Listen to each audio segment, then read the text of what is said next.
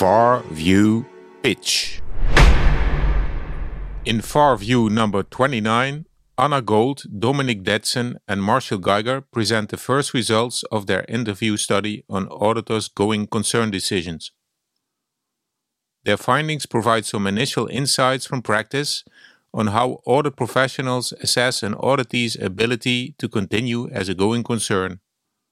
In this pitch, Dominic Detzen sketches the most important takeaways of the study so far.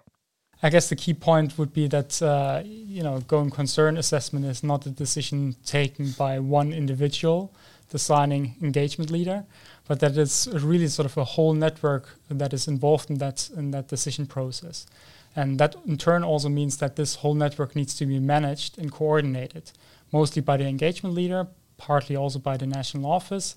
But in collaboration, all these networks, n- network interactions and relations, they need to be managed. And where we s- just said communication is key uh, in a formal way and an informal way, that managing of the relations is key.